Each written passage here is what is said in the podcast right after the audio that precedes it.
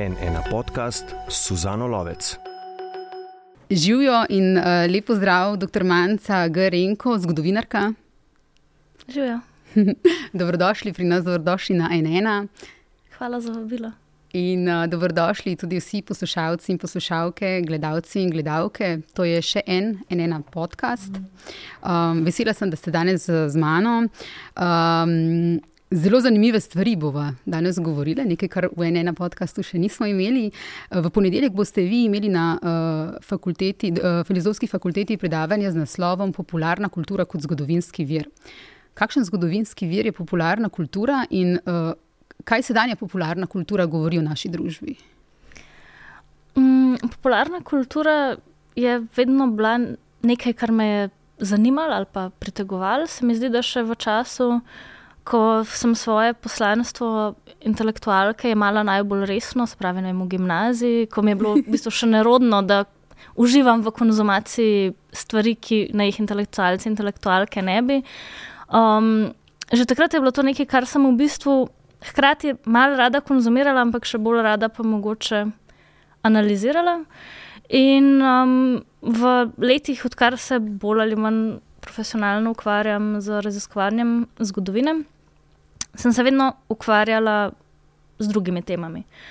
Um, s temami, ki me sicer zelo veselijo in so zanimive na svoje načine, ampak ob tem sem pa skozi kot da delala neke zaznamke v zvezi s popularnimi kulturami oziroma s popularno kulturo. In um, ne vem, lahko gre za malenkosti, kako se pomen skozi čas spremenja, lahko gre za neke aha momente, ko jih imaš, ko po naključju mm, ne vem, iščeš nek citat od Shakespearea in potem ugotoviš, da je tebi ta citat danes relativno nerazumljiv, ampak v času, ko je nastal, je bil pa razumljiv množici ljudi. Veli, ne, kako, in v bistvu ravno to, kako um, čas stvari naredi bolj kot komplicirane, kot so bile. Hkrati so me pa tudi zanimali um, vedno mehanizmi zabave. Um, ne vem, če gledamo prve spektakle, um, kot recimo spektakel Buffalo Bill, um, ki ima seveda veliko um, problematike v sebi, tako z vidika izkoriščanja ljudi kot um, kolonialnih podtonov. Ampak kar je v, v tem. Um, pri njem, kot um, stvaritelju nekoga, ki je delal, recimo, temu prve reality šove, zanimivo je to, da se je zavedal, da za dober reality show potrebuješ antagoniste, da rabiš um, like, ki jih ljudje ne bojo marali, da to je to, kar šov pelje naprej. In se mi zdi, da ne vem, ko gledamo današnje reality šove, vidimo, da v bistvu temeljijo na principu. Istem principu, um, da jim ljudem zagledati nekaj, nad čemer se bojo zgražali, ko ga ne bojo marali. Spravi, kar me je vedno zanimalo, so bila ta čustva, ki v bistvu skozi zabavno, popularno kulturo ostajajo enaka. Uh -huh.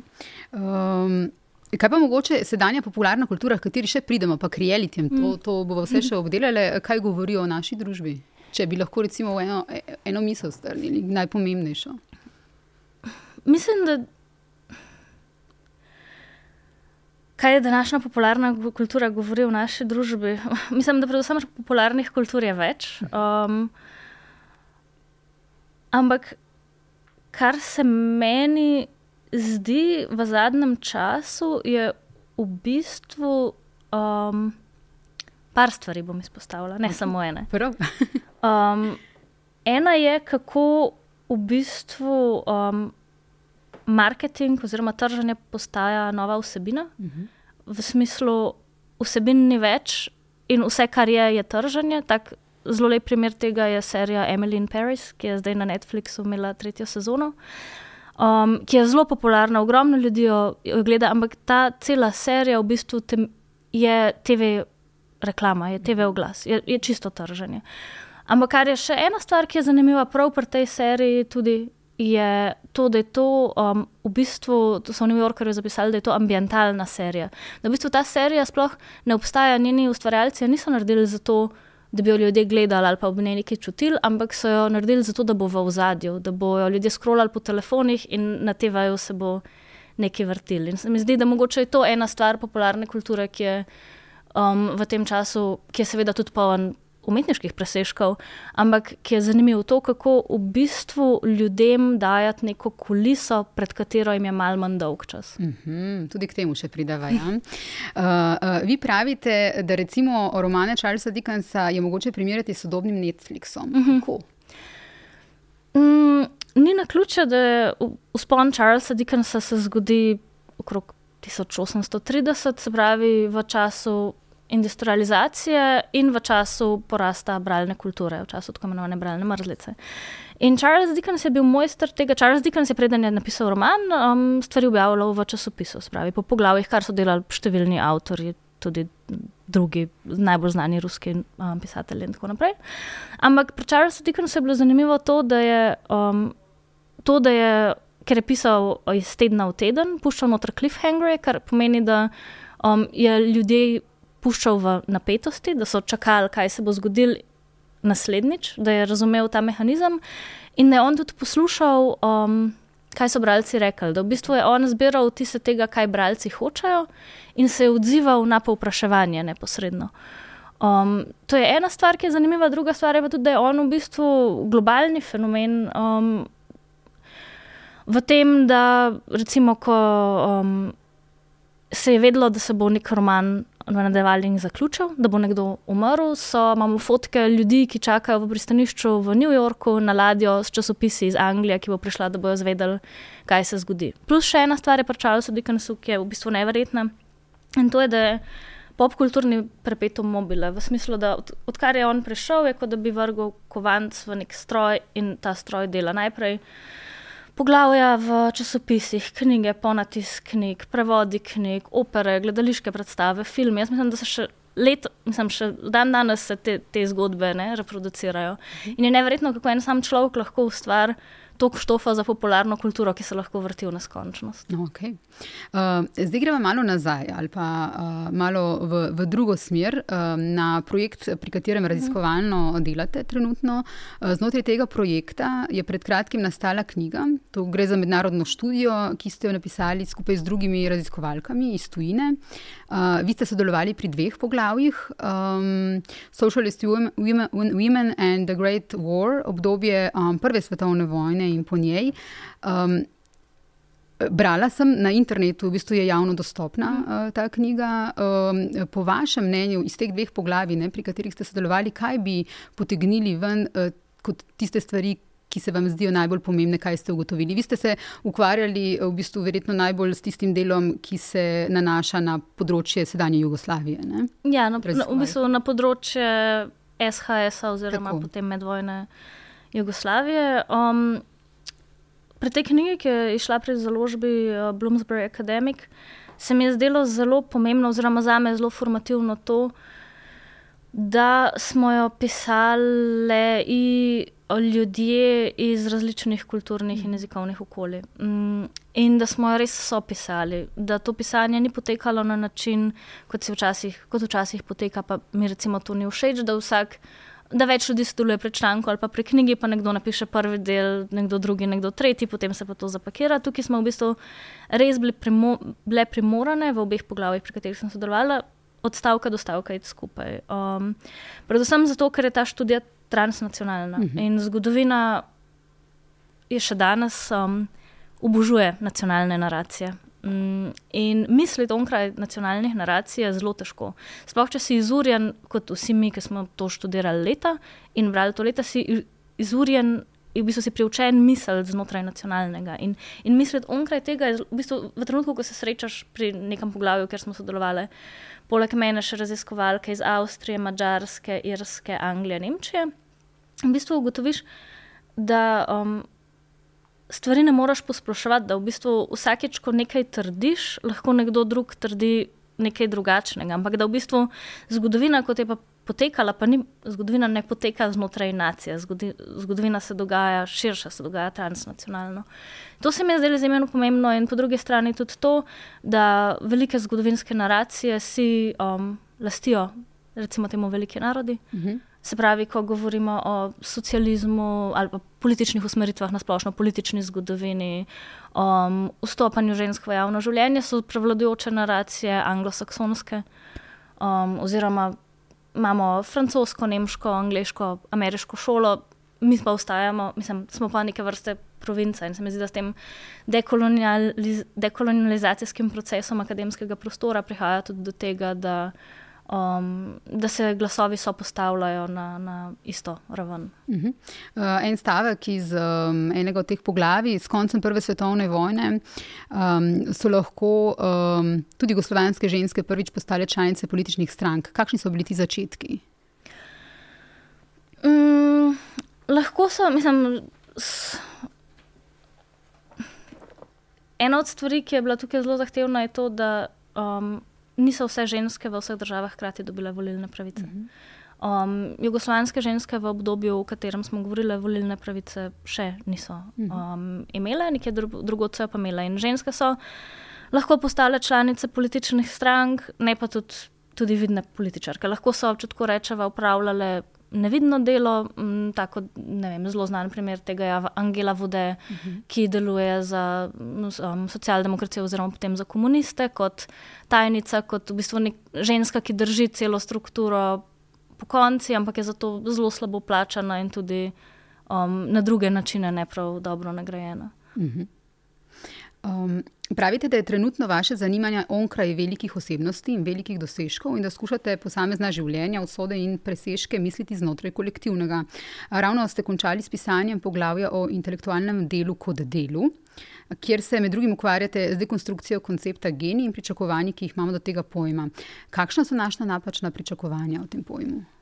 Um, tako kot vse stvari, ki. Um imamo, o katerih je zelo lahko govoriti, um, na hitro govoriti. To, to so ponovadi stvari, ki so zelo skrbno skonstruirane. In, um, geni se ne rodi, geni to postane, pa ne samo s tem, kdo ta oseba je, ampak tudi s tem, kako se cela javnost obnaša. In um, zgodne 19. stoletje ali pa 19. stoletje na splošno je bil čas, ko, ko v bistvu Evropska, Evropa postane um, obsedena z genijem. V bistvu so zelo jasna pravila kakšen človek mora geni biti, seveda nadarjenost ali pa recimo temu presežki je stvar, ki um, je sama umevna, ampak to ni dovolj.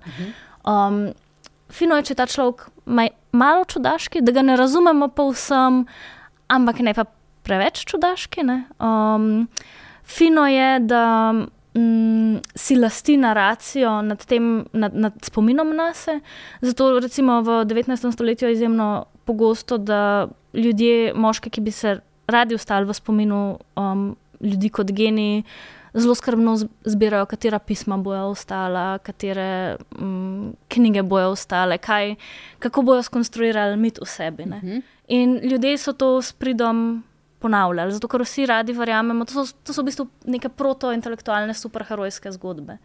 Um, se mi zdi, tako kot imamo radi, ne mogoče Batmana, na tak način imamo radi tudi genija, se pravi, verjamemo v to, da obstajajo ljudje, ki sami od sebe dosežejo nekaj izjemnega. Ampak meni se, mislim, bolj kot se ukvarjam s tem, um, ali pa bolj kot od blizu človek gleda posamezne zgodbe, bolj vidi, da je to skoraj vedno kolektivno dejanje. Da v bistvu nihče. Da je zelo malo samotnih genijev, obstaja pa zelo veliko kolektivov, ki so zelo trdo delali, zato da je bil kdo iz tega kolektiva, pol se zapomnjen kot geni. Torej, eh, odgovor na vprašanje, po čem merimo dosežke in kdo določa genija ali pa te presežke, je v bistvu. Zgodovina. Mislim, zgodovina. S tem, da je recimo, tukaj tudi zelo zanimiva dinamika med um, spoloma. Um, jasno je, um, da, je, vem, da je en primer John Stuart Mill um, zelo veliko svojih študij pisal v sodelovanju s svojo um, najprej partnerko in poznajšo ženo, um, Henriette Taylor Mill. Um, in kar je on tudi poudarjal, on sam je večkrat rekel, to smo napisali skupaj, ona je intelektualno izjemno veliko pripomogla k temu, spravi, ona je upravljala zelo veliko intelektualnega dela.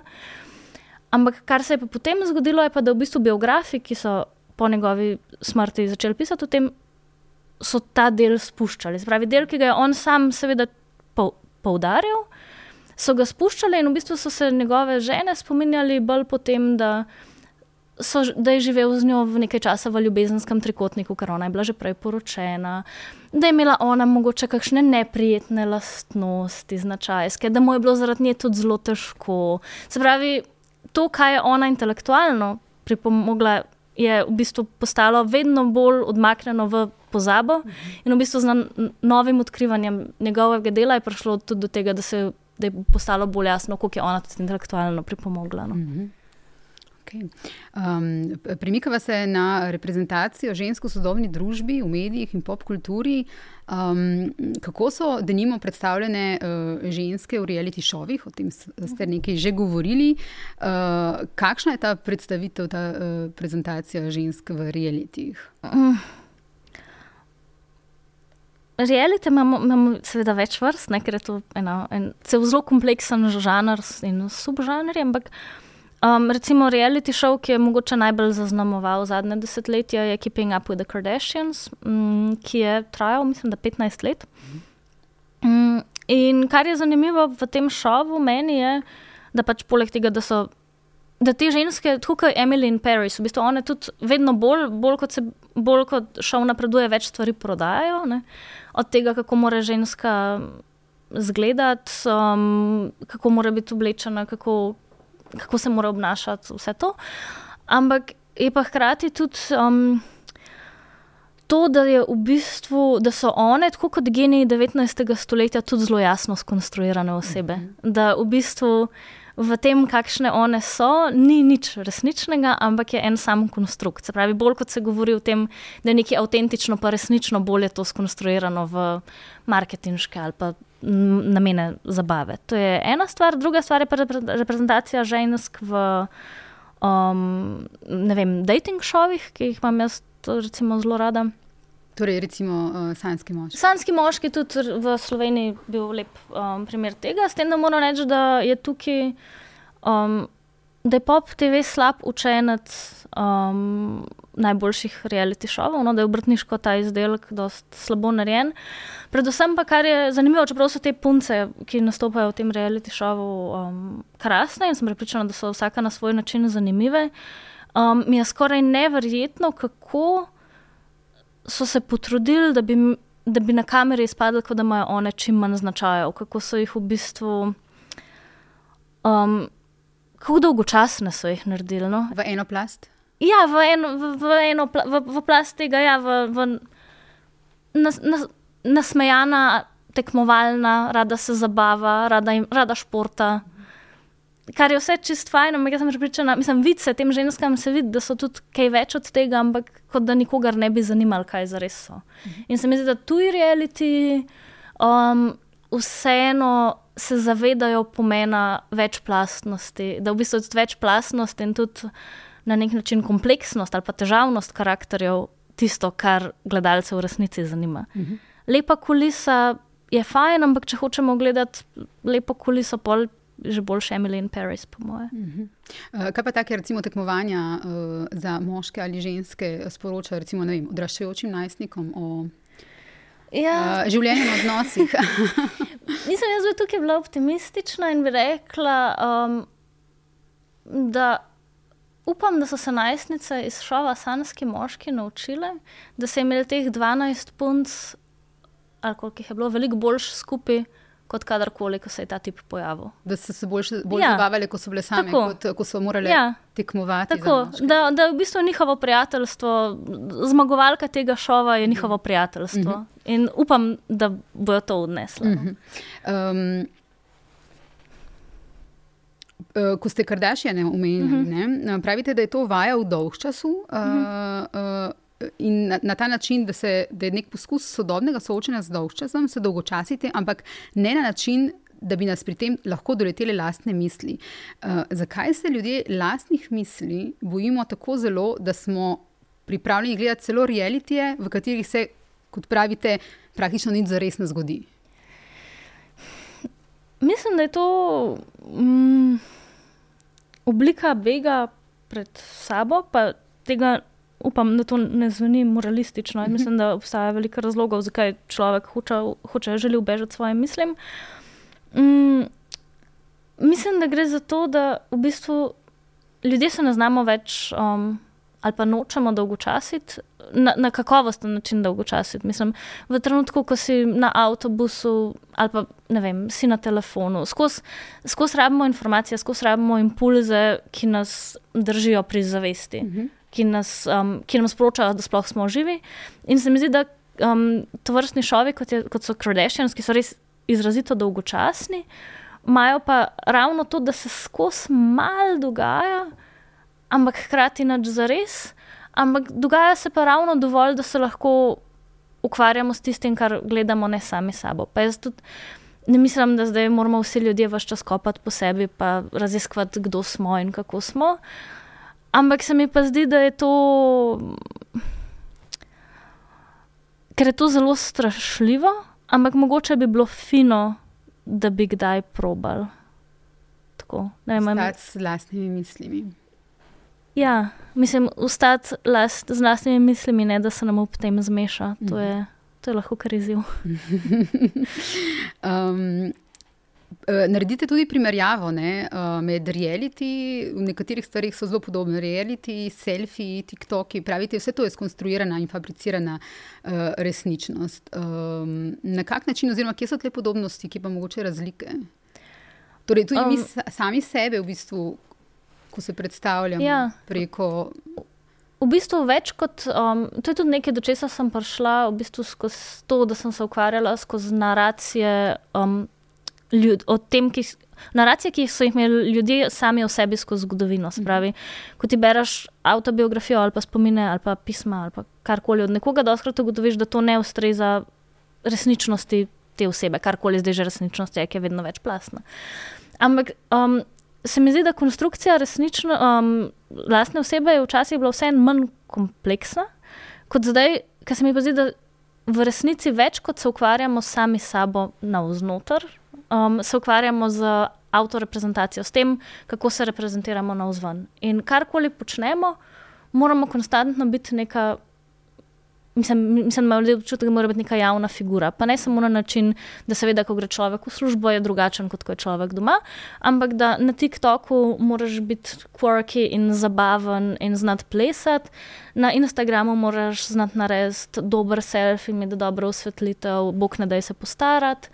Um, na Twitterju moraš biti politi politično usveščen, moralen, um, tudi zabaven, ampak tudi pravičniški.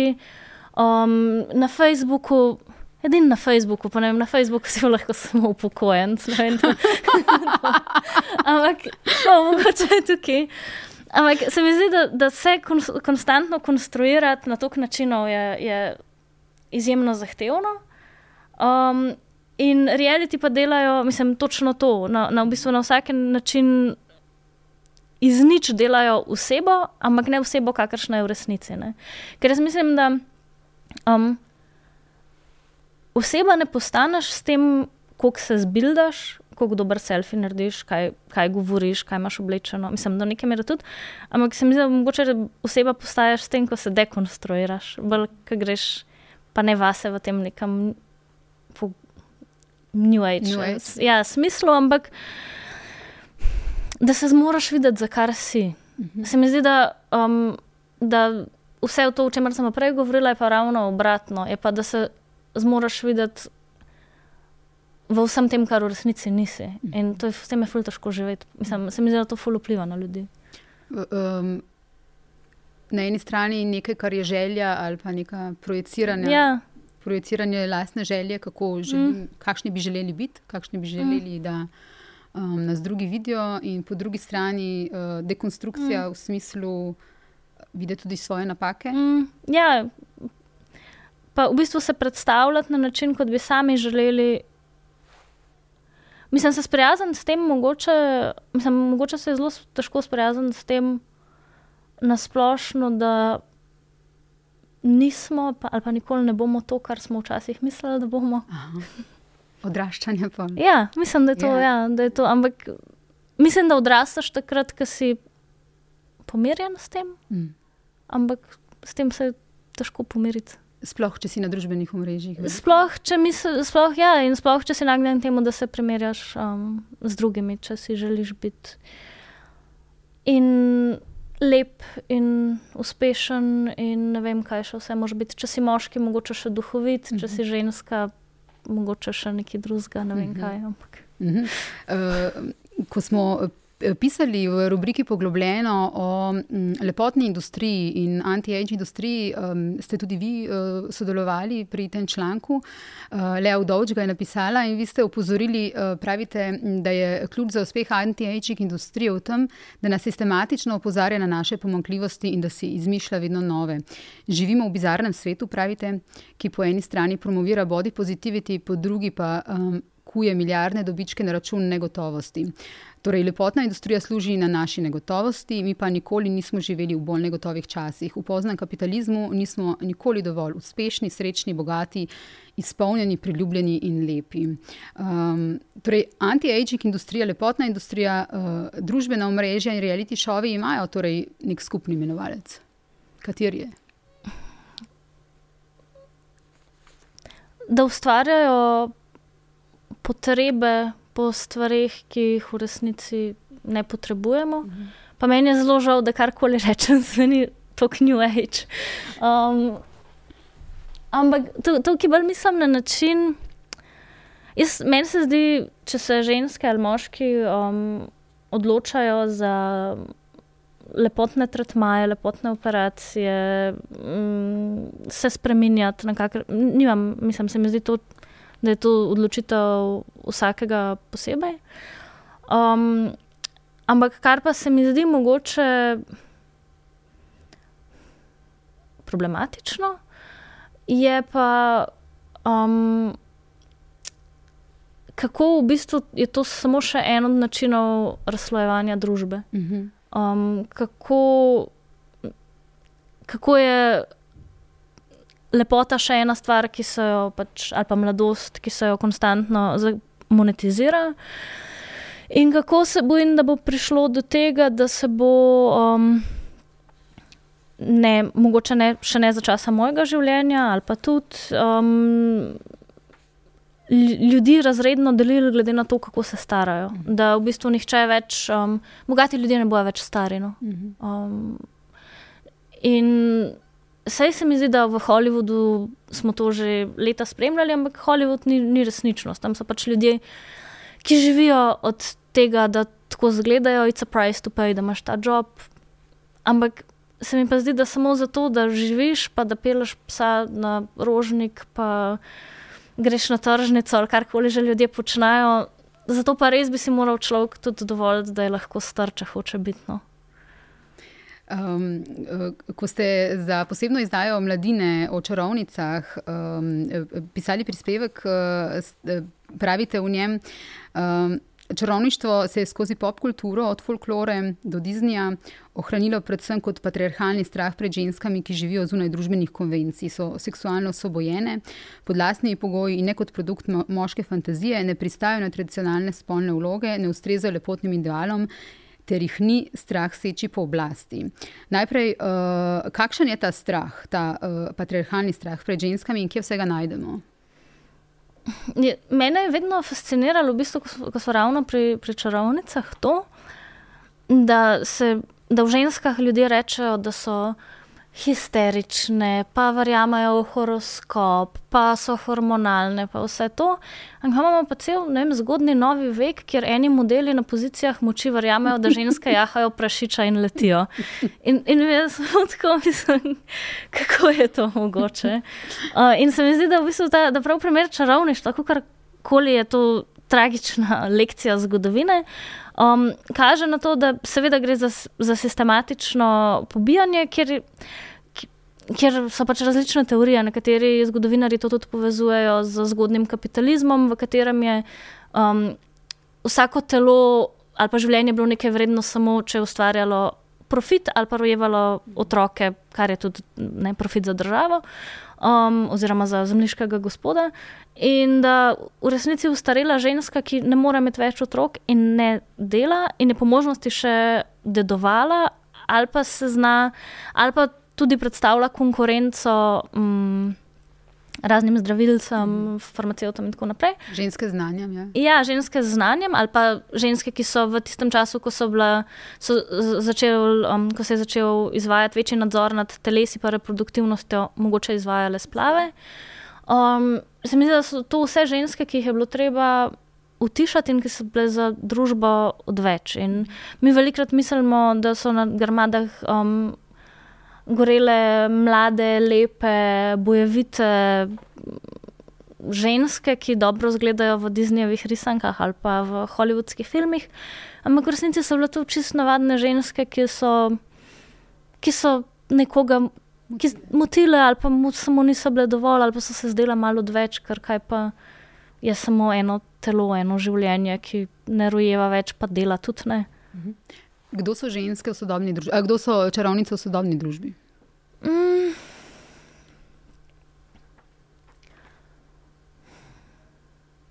Mislim, absolutno ženske, ki um, ne pristajajo na um, dodeljene vloge, mhm. um, pa ženske, ali pa tudi moške, mislim, da gre to v obeh spolih, ki ki niso binarni, v, mhm. pa ne samo v, v spolnem smislu, ampak ki se jih ne da politično jasno opredeliti, ki se jih ne da opredeliti v, v nobeno od obstoječih škatelj, prav, narobe, levo, desno, liberalno, konzervativno, ampak ki so malo onkraj tega. To se mi zdi, da je zelo lahko ljudem neprijetno. Uh -huh. uh, uh, režiserka Tijana Zinajč, uh, ko sem delala lani z njo uh, intervju ob tem filmu Prasica, slabšalni izraz za žensko, uh, ona pravi uh, ka, o tem, kaj je prasica, uh -huh. koga označijo s prasico. Če nisi točno takšna, kot bi morala biti, pa si ženska, si prasica. Prasica je suverena ženska, ki se postavi zase. Ženska mora biti v očeh družbe povsem moralno neoporečna. Uh, takrat, pa še takrat je označena kot karieristka, hladna, frigidna. In še pravi, um, naša vzgoja še vedno temelji na krivdi in iz tega norega občutja krivde pride ogromno odločitev. Uh, prasica je torej ženska, ki seveda nosi to krivdo. Ampak se požvižga na to, gre mimo tega, dovoli si, da je izločena, izobčena, označena za čudno, in kljub temu uh, ne misli popustiti. So to torej sodobne čarovnice? Ja, ja, jaz mislim, da je to, da je Tjana zelo, da je zelo dobro povedala. Mislim, da so, ampak mislim, da, da, da tukaj lahko govorimo tudi o, um, o moških, ki, um, ki so javno čustveni, -huh. o mhm. moških, ki. Um, Ne zauzemajo sveta z agresijo, O, se pravi, ne, mislim, da, da smo čarovnice vseh spolov. No? Ja. Okay. Sem bila inkluzivna za, za um, predsednico države in predsednico državnega zbora. O, ravno, ravno sem se postavila vprašanje o njih dveh. Uh, namreč um, predsednica državnega zbora in uh, predsednica države se nimata za feministko. Uh. -huh za feministki. Uh, Urška Klakočar Zupančič je v novoletnem intervjuju na RTV izjavila, da ni feministka, saj da so ji pomembne pravice vseh.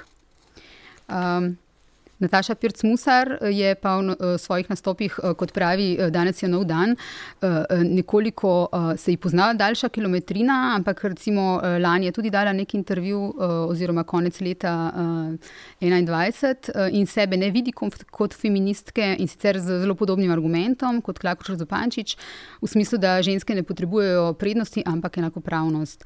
Um, Kot pravi, eh, danes je na dan eh, temelj feminizma, pač ni obrat šovinizma v drugo smer, mm. uh, ampak njegovo izkoreninjanje. Ampak kaj uh, uh, za družbo pomeni tak odnos vidnih političark? Uh, besede so pomembne. Ne? In zakaj se te besede feminizem očitno ljudi navdaja z nelagodjem? Kaj je to? Mm, mislim, prva stvar. Ki me morda malo zmoti, zmoti, je to, da um, da ne predsednica državnega zbora, ne predsednica države, ne, um, v bistvu ne veste, kaj je feminizem. Mhm. Um, ampak tako da tukaj me zmoti samo mogoče pomankanje izobrazbe, kot bi me tudi na kakšnem drugem področju lahko. Um, to, da se nimate za feministki, je čisto ok. Um, v smislu, očitno res nista. Se pravi, mislim, mislim, da ima feminizem že dovolj lažnih prorokov in lažnih prorok, in da ne potrebuje še dveh, ki rečeta, sva feministki samo zato, ker je to kul. Cool. Mogoče ne vem, Hillary Clinton ali pa Kamala Harris v ZDA bi to rekli, ker imata tudi drugačne svetovalce, ampak konec koncev za položaj, položaja žensk to bistveno ne spremeni. Se pravi, če nobena od njih ne namerava um, ustvarjati politike, ki bi bila feministična, potem tudi ne vidim razloga, zakaj bi se kot to deklarirali. Um, kar je meni bolj um, pri izjavi um, Urška, Urška Klakočar Zopančič zanimivo, je pa ta formulacija, ki v bistvu gre nekako tako. Tudi jaz nisem za človekove pravice, ker imam rad tudi živali. Uh -huh. Ki absolutno ni, ni logična, ampak jaz. Um, upam vsaj, da, bo, da imata um, obe predsednici neke svetovalke, svetovalce, ki mogoče jim bodo dali kaj za prebrati ali pa kaj za mhm. pogledati, pa da boste še malo razmislili o tem. To je pa tudi vse Okay. Kar lahko ja, želimo. Nataša Pirc-Musar je v tem intervjuju uh, iz Mladine uh, leta 2021 uh, rekla: Sebe ne vidim kot feministke, pa tudi projekt Ona ve, ki smo ga zastavili na pobudo Marte Kos, ni feminističen. Uh, njeno prepričanje je, da ženske ne potrebujemo prednosti, ampak le enakopravnost. Namen tega projekta je pokazati, da na številnih področjih obstajajo strokovnjakinje, ki imajo primerljiva znanja kot njihovi moški kolegi. Ampak spet pridemo do tega, da, v bistvu, kot da je ta beseda feminizem sama po sebi. Um, ne vem, nekaj z njo narobe, oziroma eh, kdo je že. Ja, ja itak, ampak jaz mislim, da to je lahko samo za ljudi, ki ne vajo zelo dobro, kaj feminizem je. Mhm. Ampak hkrati se mi zdi pa še ena stvar zelo zanimiva, ker jaz, jaz vidim tukaj v teh izjavah to rahlo tercijalnost, tako malo. Nekaj, nekaj konzer, konzervativnega. Mm -hmm. Um, samo hkrati, če pa pogledamo zgodovino socialistične Jugoslavije, ki pa tudi izrazito ni marala um, besede feminizem, um, bi pa lahko tam od vodilnih politik, ker takrat v, Jugos Jugoslaviji je bilo, ne, zdaj, ko smo odpravili razredne razlike, pol tudi spolnih razlik, ni več, ker je razred to, kar nas definira. Ja. Um, in v bistvu malo tudi razmišljam, koliko je. Um, Kako so ženske te generacije, mogoče um, tudi dedinje tega um, obdobja Jugoslavije, v katerem je sama beseda feminizem imela slab, mm -hmm. slabšalni predznak, oziroma predznak, ki se ga je vedno delal. Vse ne mislim, da zdaj v um, zahodnih liberalnih državah je bilo pa bistveno um, drugače. Feminizem je imel marsikaj slabšalni predznak, sam se mi zdi, da v Jugoslaviji pa da, da je bil ta odnos do feminizma zelo specifičen no, in zelo kompleksen. Ampak ob tem, ko omenjava te dve visoke, politi mm -hmm. najviše političarke v državi, bi rekla samo to, da pa recimo v, v Bosni in Hercegovini ima naš. Uh, novinarski kolega oziroma voditelj uh, ZN1 Sarajevo, televizije uh, Nikola Vučić, uh, podcast Feminizem in moški, v katerem mm. se z moškimi v Bosni pogovarja o pomenu feminizma in potrebnosti feminizma. Uh, in da v bistvu uh, zelo bije v oči vode no, ta, ta neka razlika. Torej, to je v Bosni, uh, mm. v Sloveniji, pa pač naletimo na take izjave. Kaj nam to mogoče pove? Je to ta nova generacija, druga generacija ali to preprosto? Jaz mislim, jaz, jaz bi rekla, da v bistvu um, je bil pri obeh predsednicah odgovor do neke mere tudi generacijski. Ja? Mm -hmm. um, Čeprav Uška Klakočar Zopančič, mislim, da je mlajša od mene. Ampak vi ste zelo napredni. no, to me je pa nasmejalo. Rečeva še kakšno o knjigah. Um, vi ste tudi urednica, bili in tudi ste. Um, kaj berete, kaj vas navdihuje, uh, ali pa brez česa ne bi bilo to, kar ste v življenju? Moram reči, da sem letos um, ob razglasitvi Nobelove nagrajenke za literaturo Anja Arno res zelo ganjena in vesela. In sem začutila nekaj podobnega kot najbrž um, športni navijači začutijo, ko njihovo moštvo zmaga. Um, tako res, um, mislim, da ženska mora biti zelo stara, da dobi neko veliko nagrado. Ampak. Um, vseeno, mislim, tako na nek način se mi zdi tragično. Mislim, mi je vedno tragično pri teh velikih nagradah videti, um, kako pozno pridejo, pa kako so ljudje že takrat stari, pa kako več lepega bi si lahko privoščili, če bi ta Nobelov denar dobil prej. Um, ampak um, hkrati se mi je pa to res za me literatura, ki je izjemna. No. Mislim, -hmm. Če bi rekel en, en roman, ki mi je bil v zadnjih letih res, res zelo blizu, so njena leta. No. -hmm. um, in kot zgodovinarki, ker v bistvu ona v tej knjigi se ukvarja z zgodovinopisem lastnega življenja, v bistvu gre skozi letnice od, od svojih staršev, mislim, um, mislim, da staršev, naprej vleče svoje lastno življenje skozi velike ali pa ne tako velike zgodovinske prelomnice. Pa lahko so to zelo. Na prvi pogled banalne stvari, kako se spominja, da so vem, um, se začeli pojavljati um, nakupovalni centri in kako so v nakupovalnih centrih um, vrata v trgovine vedno odprta, ker to pač privablja ljudi noter. In takrat sem se recimo, prvič zavedla, da ja, to ni, ni samo umevno, da so vrata v trgovine vedno odprta. Včasih so ljudje odpirali vrata, mm. ko so mhm. šli v trgovino, in potem je pač um, sistem kapitalizma ugotovil, da je bolje, če so bolj vključujoči in so vrata skozi odprta. In so mi te, te malenkosti, so mi kot zgodovinarki in kot človeku ful pomembne, kako, nek, kako se spremenja čas skozi neke mikroživljenjske izkušnje no? ali pa mikrospremembe, ki jih v bistvu zelo redko. Um, zelo redko najdemo v zgodovinskih atlasih, ampak življenje jih pa beležijo. Uh -huh. um, Nikoli ste rekli v enem intervjuju, da bralcev ne smemo podcenjevati. Ne? To se bom jaz uh, navezala na medije, uh, pa rekla, da tudi gledalcev, bralcev, naših poslušalcev ne bi smeli uh, uh, podcenjevati, pa jih mediji pogosto podcenjujemo. Se strinjate? Mislim, da, ja. mhm. Mislim, da, je, da smo v dobi velikega podcenjevanja na splošno. Mhm. Um, kjer bi se celo upala reči, da sodobni, dobri sodobni reality šovi od gledalcev marsikdaj pričakujejo več kot sodobni mediji. Kot sodobni mediji ja. mhm. Kako to popraviti?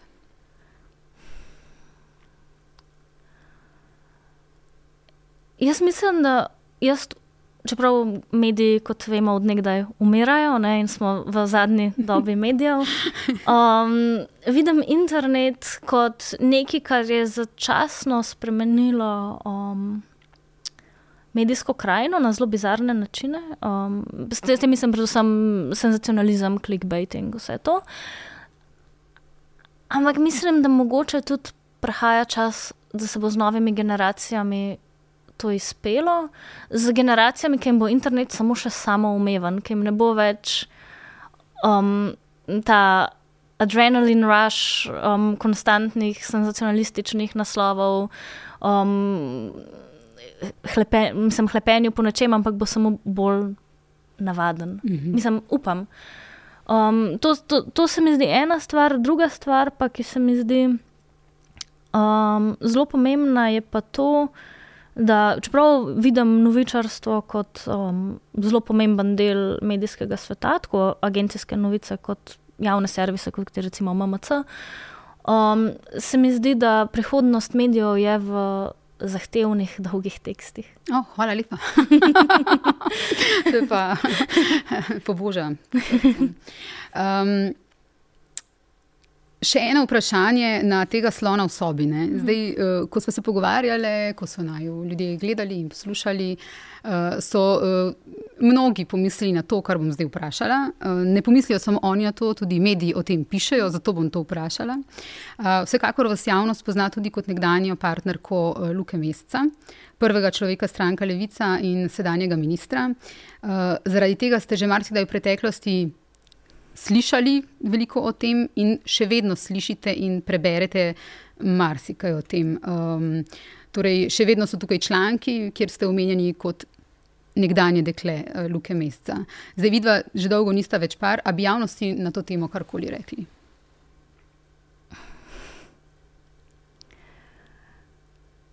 Um, Veliko bi lahko rekla, ampak bom poskusila čim manj. Um, rekla bi, obče gledano, da je to mogoče še en dokaz tega, kako je moški vedno subjekt in oseba, ženska pa objekt, ki pride zraven. Um, rekla bi tudi, da ima slovenski javni prostor zelo libidinalno, nezdrav odnos do politike. Uh, rekla bi tudi, da, da sem mogoče čarovnica in da, um, da ljudem pride prav vsak, um, velikrat pride prav to, da um, me lahko nekam pospravijo, da imajo nekaj, s čimer me lahko utišajo, čeprav ne vem, zakaj bi to bilo tako. Um, bi pa rekla tudi, da nas v življenju definira marsikaj. Um, definirajo nas zdajšnji partnerji, pretekli partnerji, starši, kaj smo prebrali, izobrazba, kaj nosimo v sebi, vse to. Um, in meni se zdi, marsikaj nisem, ampak se mi zdi, da sem čist zanimiva oseba. In rekla bi, da to, kdo je moj bivši fant, ni ena od top pet najbolj zanimivih stvari na meni. Tako da bi si želela, da bi ljudje lahko videli več. Zato smo se tudi eno uro pogovarjali o drugih rečeh z vami, s katerimi se ukvarjate. Uh, hvala lepa za ta pogovor. Hvala vam. Uh, upam, da še kdaj. Hvala tudi gledalcem in gledalkam, poslušalcem in poslušalkam. Uh, vidimo se spet zelo kmalo.